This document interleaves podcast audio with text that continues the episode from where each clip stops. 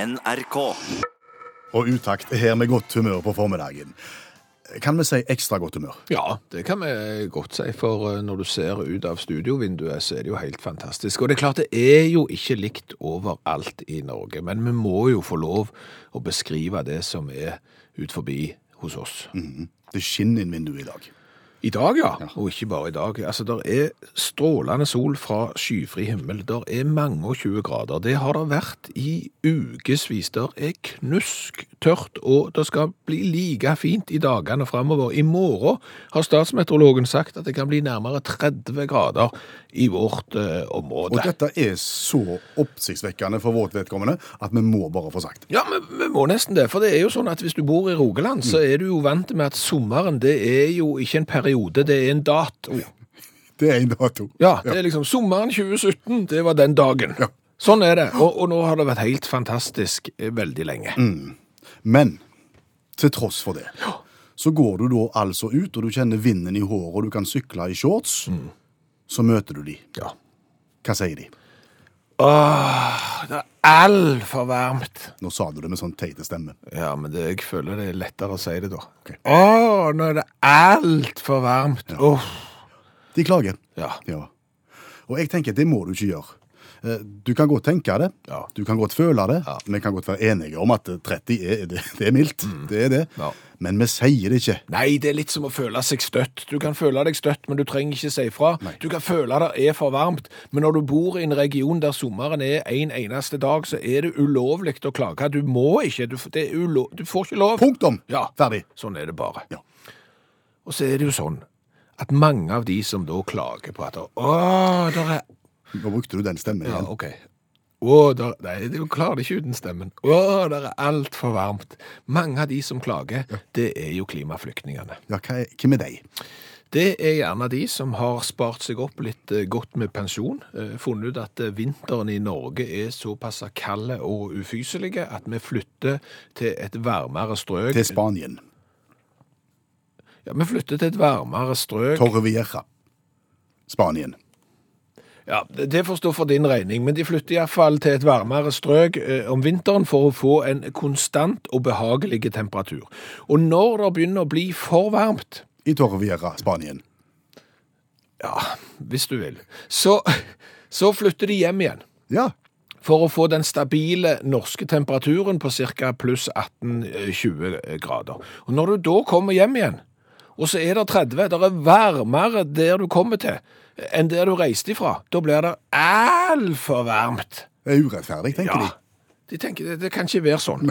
Og da har du ødelagt hele klimaflyktningproblematikken deres. Ja. Og du har satt kjepper i hjula for, for alle som Hvor var det de bodde, sa du? Det er Torrevieja. Ja, eh, Kumla på torsdagen? Veldig ofte. Ja, og, og brunost i butikken og sånn. Ja, det, det, det stemmer. Men det som er greia, det er jo at det burde jo vært en plass i verden som hadde den optimale temperaturen hele året, sånn at du slapp å, å være Du klimaflyktning. slapp å flytte fra sted til sted. Du kunne bare vært på ett sted hele tida. En- En fast base, det er jo mye enklere, for da kan du liksom ha høytrykksspyleren på én plass, og du tar- slipper å ta den med deg fram og tilbake. Det kan være upraktisk når du bor i hvor du bodde. Torrevieja. Ja, Eh, har du prøvd å pendle med høytrykksspyler Det noen er gang? et mirakel i Ja, det, sikkerhetskontrollen. det er veldig stress. Så, så Derfor så burde det jo være en plass i verden der du kan bo under optimale forhold. Ja, men hva er det, da? Hva er optimale forhold? Dette er det forska på. Ja. Og optimale forhold er 20 grader. Verken mer eller mindre. 20 grader hele veien og en luftfuktighet på 50 OK. Ja. Det stedet skulle vi jo ha funnet. Mm. Hvor kan det være? ja, det stedet har jeg funnet. Du har funnet det? Ja, jeg Hvor har er det? Jeg kan ikke si det nå. Det kan jeg ta etter vi har spilt en sang. Mm. Det er litt sånn eh, jeg vet ikke om det er litt sånn cliffhanger, sånn når du leser en bok, og så kommer du til slutten av kapittelet, og så 'Å, filler, nå var det så spennende, nå må jeg bare bla' Eller du ser liksom en TV-serie, 'Å nei, nå kommer reklamen!' Akkurat når de var i ferd med å avsløre hva det er. Og litt det samme nå. Skal fortelle deg hvor du skal bo hvis du skal være den optimale klimaflyktningen.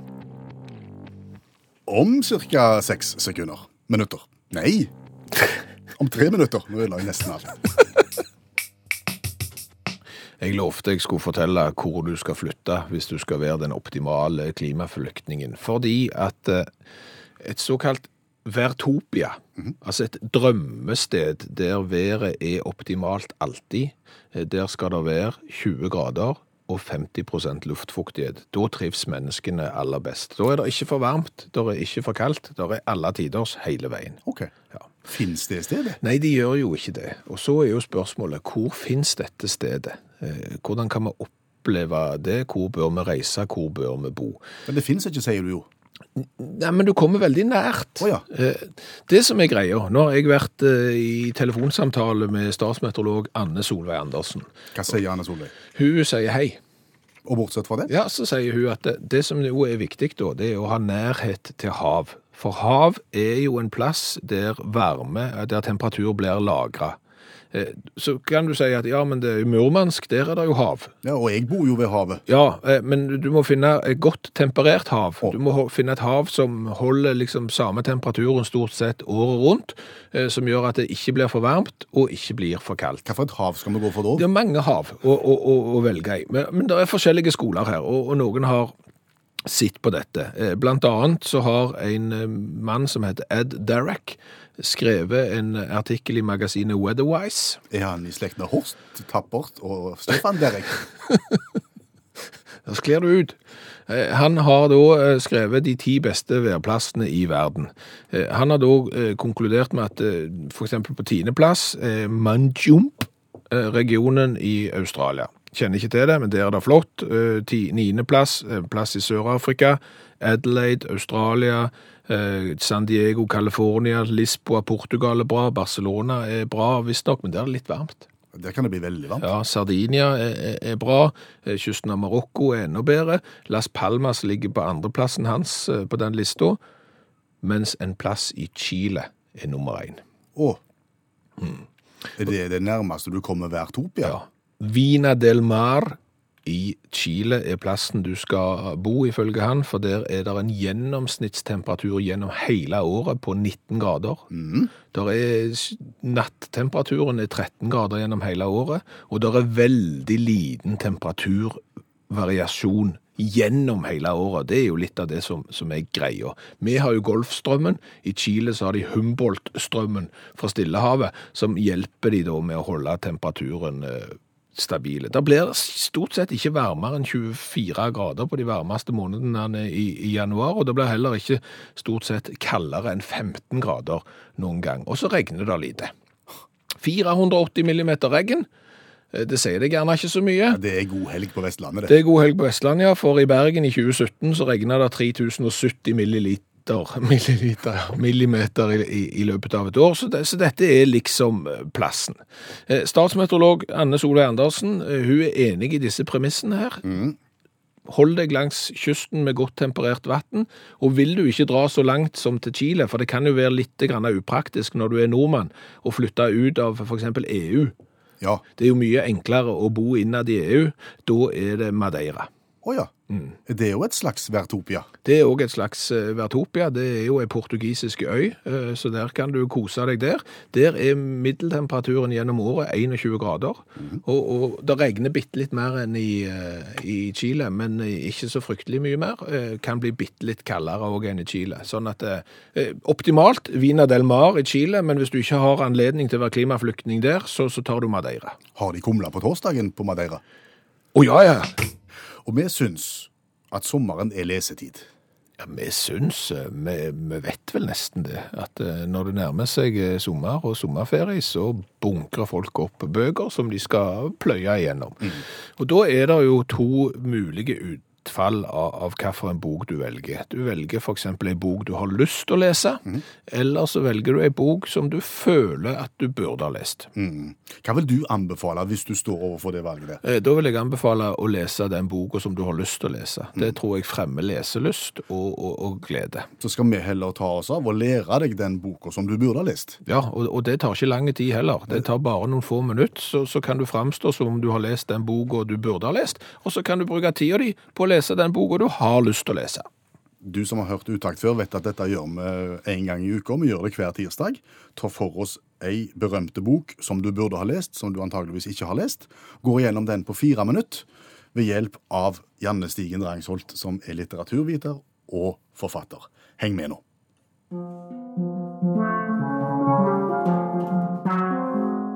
'Mesteren og Margarita' av Mikhail Bulgakov fra 1973. Det er to ulike historier.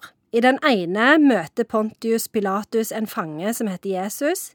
I den andre kommer Satan til Stalins Moskva og lager skikkelig dårlig stemning. I tillegg møter vi ei vakker kvinne som heter Margarita, og en katt som drikker utrolig mye vodka. Den fikk jeg litt lyst på. Ja, Den, den fikk jeg bitte litt, men jeg har jo gått og trodd at den der margarita var en drink jeg, hele veien. Mesteren og margarita. Én til, to, to strawberry. Kanskje det er det, det katten drikker, muligens? De drikker vodka, og så spiser de karpe. Og det er stort sett eh, det de holder på med hele tida. Men pluss at djevelen driver jo og fucker opp stemningen hele tida. Så det som egentlig den boka handler om, da, det er eh, den frie tanke. Fordi at den viser altså Dostojevskij sa en gang at eh, når folk slutter å tro på Gud, så kommer djevelen inn. Og det er det som skjer her. For folk tror på Stalin, folk tror på liksom kommunismen og samfunnet. Men det er egentlig, ifølge Bulgakov, å gå ned feil vei. Eh, Så dette er en slags sånn varsko om at nå må dere ta dere sammen.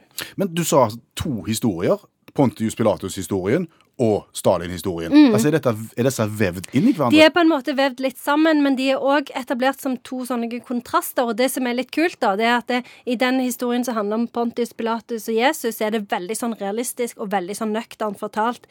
Mens i den historien som handler om liksom 20-tallets eh, Moskva, der er de der vodkadrikkende kattene og all denne herne fantastiske, disse fantastiske tingene som skjer, da. Så det er jo ganske sånn gøy kontrast, og motsatt av det du kanskje skulle tro. Men denne boka husker jo jeg fra noen år tilbake at alle sa jeg burde ha lest, og så har jeg jo ikke lest den. Bør jeg le- lese den nå? Ja, for denne her er faktisk ganske gøy. Eh, Han er veldig spennende, og han er veldig enkel å lese. Eh, og Bulgakov han brukte jo eh, ja, Han brukte jo nesten eh, 20 år faktisk på å skrive han, og han døde før han ble ferdig, så kona måtte gjøre han ferdig. Rødt rydda litt opp etter Bulgakov. Men så kom han ikke ut før i 1973, da, på grunn av eh, Stalin og alt det der. Han er også satt opp på scene, ikke sant det? Stemmer det. Men eh, det er jo ikke skrevet som et teaterstykke, det er jo skrevet som en roman. Hvorfor drikker katten? Nei, altså... Ingen spør hvorfor katten drikker. Alle vet at katten drikker, men ingen spør hvorfor. Eller var det et annet stykke, det? Det føltes som han veldig riktig. Men, men er det vår, kan jeg spørre, hva, hva er symbolikken? Eh, på At den katt- vodkadrikkende katten katten. drikker, ja. Den der katten er helt psykotisk. Den er veldig skummel. Den er den skumleste i hele boka. Så, så bare Hva Det er heter vel ingen katten? som skjønner hva katten holder på med. Hva heter han? Katter, katter har ikke navn. De trenger ikke navn, for de vet hvem de er. Jeg får svar på alt. Jeg har sitat òg. Ja, jeg, jeg vil gjerne spørre deg om det. Har du et sitat? Fra Mesteren og Margarita. Ja. Em, ikke spør om noe, i hvert fall ikke fra noen som er mektigere enn deg selv. Og så har jeg et til. Hva har du egentlig? spurte Berlioz. Aprikosbrus, men den er lunken, sa damen. Nå, hell opp, hell opp, hell opp. Det høres ut som et dårlig bursdagsselskap fra 1982. Var dette et eksempel på der kona har overtatt og skrevet resten? Hun er litt sånn, Å, nå er jeg lei av den vodkadrikkende katten. Hun har litt realisme. OK. Eh, hvis vi skal samle trådene litt, vi har snakket om Mesteren og Margarita. Ja. Vil du oppsummere verket for oss?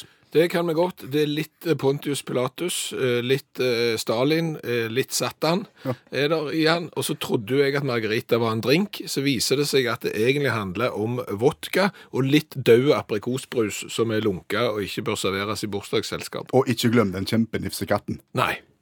Var det greit? Ja, jeg syns det var kjempebra. Flott. Tusen takk, Janne Stigen Drangsholt, forfatter og litteraturviter.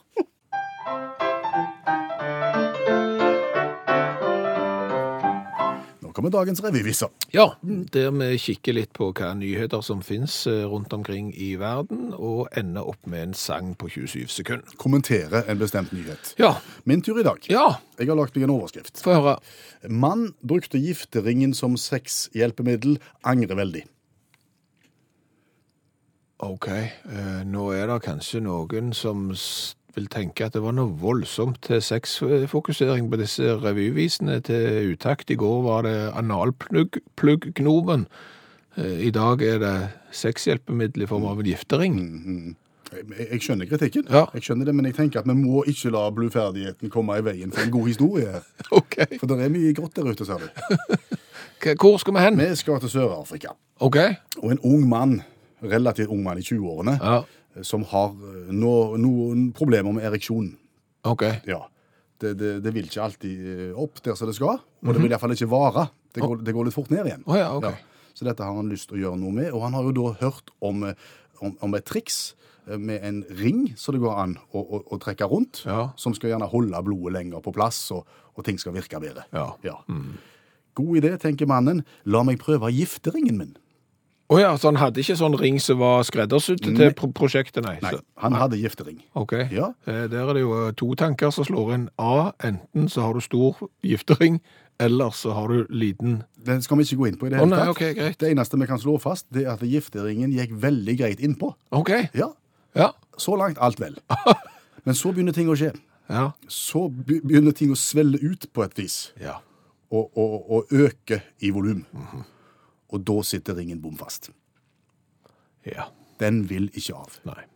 Selv om tiden går, timene går, og aktene over alt er ferdig, så vil jo da ikke ringen av, og det begynner å gjøre vondt. Det er klart det. Det Og, gjør kjempevondt. og inskripsjonen inni ringen begynner å etse seg fast. Din for evig, eller din for alltid. Eller. Antageligvis din for alltid. ja. Men Så kommer det et litt, litt spesielt moment inn i historien her. For det som skjer etter tre til fire timer, det er at mannen oppsøker sykehuset sammen med sin mor. Jeg tok ikke med kona. Nei, Nei. han tar med mor, Det er alltid greit og på da er han, sånne både, ting. han er blå og nedentil. Og, og vond nedentil. Mamma, se, se Ja, her. ikke sant? Uff. De går til sykehuset, og sykehuset sier oi sann, her må vi gå i gang, men dette er ikke lett. De forsøker seg med det de kaller en, en, en, en sterilisert mikrosag. Men, men, men det prosjektet må oppgis i frykt for å ødelegge. For det er små marginer her. Uhyre små marginer. Ja. Ja. Så sagen legges vekk. Eh, De går videre med punktering. Forsøker punktering ved hjelp av nåler. Og da er det ikke ringen som punkteres, tenker jeg. Nei. Eh, Det som da skjer, det er at du får faktisk senka hevelsen en del når en har punktert, og en får av ringen. Oi, oi, oi. 23-åringen ble gitt antibiotika, smertestillende, og forlater eh, klinikken med en veldig sterk oppfordring fra legestanden ikke gjør dette igjen. Nei. Kanskje mor òg ga han et par eh, Det skal du ikke se vekk ifra. Men du skjønner at det kan bli ei revyvise av sånt? Ja, absolutt.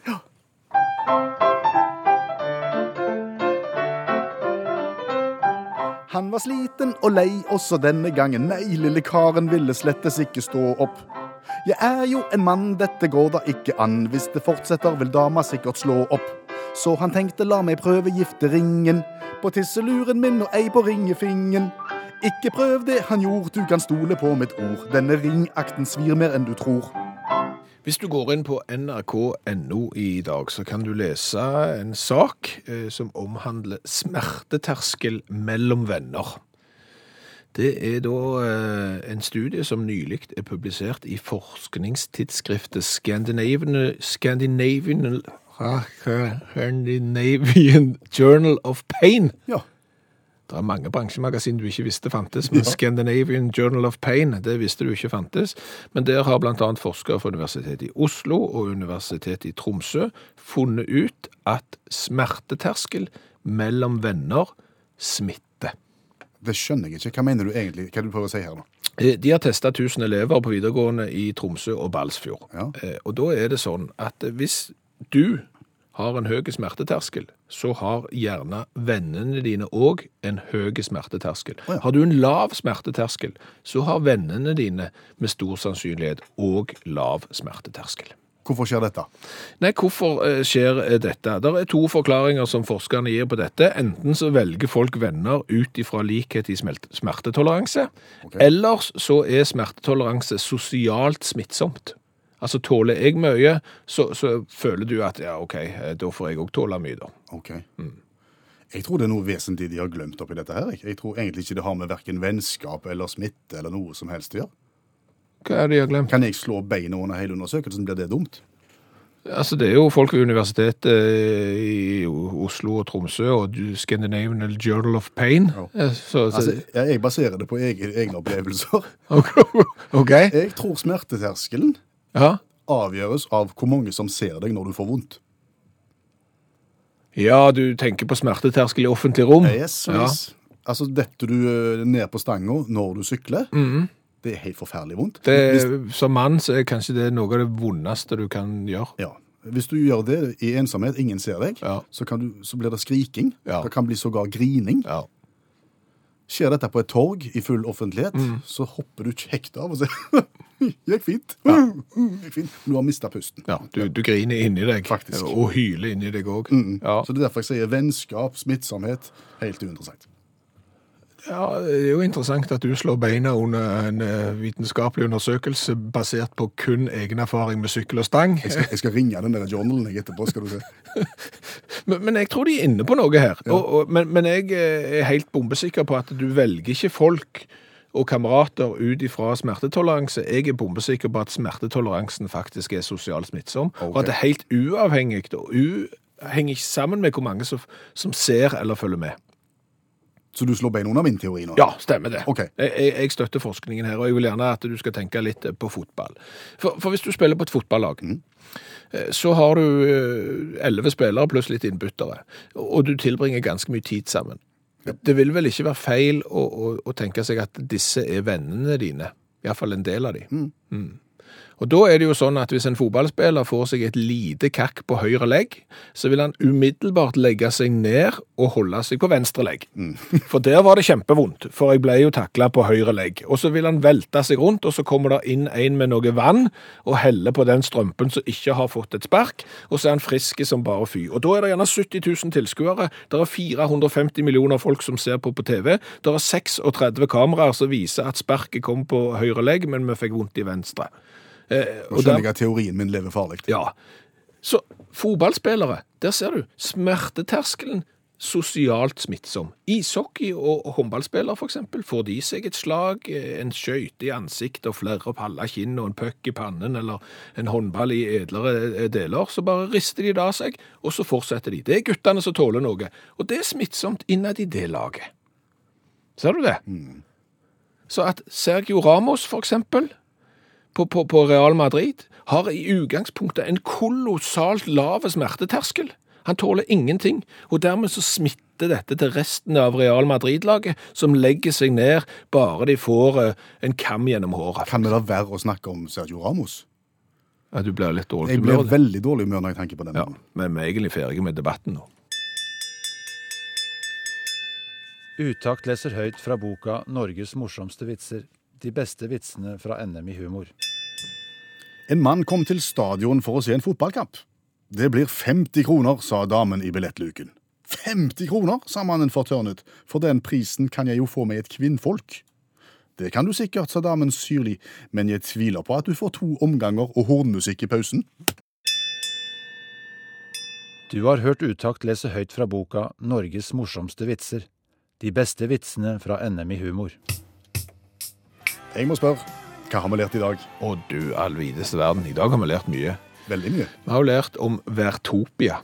Vertopia er den fantasiplassen der været alltid er så godt som vi vil ha det. Og menneskene trives best rundt 20 grader pluss og med 50 luftfuktighet. Vertopia fins ikke, men det fins noe som nærmer seg. Ja, hvis du har lyst å være så nærme Vertopia som overhodet mulig, så skal du flytte til Vina del Mar i Chile. Eh, Der er gjennomsnittlig årlig temperatur 19 grader. Det er helt glimrende. Det er helt toppers, for å si det sånn. Eh, Har du lyst til å holde deg inn forbi EU? eh, Av helsemessige årsaker, f.eks. gratis helsevesen for en nordmann, så drar du til Madeira. Det er på en god andreplass. Eh, Så har vi lært det at smerteterskel smitter. Det er faktisk sånn at eh, smerteterskelen innad i en kameratflokk er relativt lik, og det ser du f.eks. på fotballbanen. Fotballspillere tåler overhodet ingenting. Det er tydelig at det smitter. I motsetning til ishockeyspillere. for Ja. eksempel.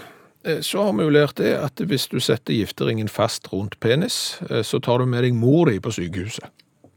ja, Det er jo iallfall mannen fra Sør-Afrika som trengte hjelp. Og det var ikke lett å få han av. Men kan du tenke deg at du tar med mor Mor må aldri få vite om sånt. Sånn er det bare. Helt til slutt så har vi vært igjennom en litterær klassiker, eh, Bulgakovs eh, 'Mesteren og Margarita', som inneholder en vodkadrikkende katt. Ja. Boka er bra, men stiller ikke det viktige spørsmålet. Alle vet at katten drikker, men ingen spør hvorfor. Eller var det et annet stykke, det? Det føltes som han var veldig riktig. Hør flere podkaster på nrk.no podkast.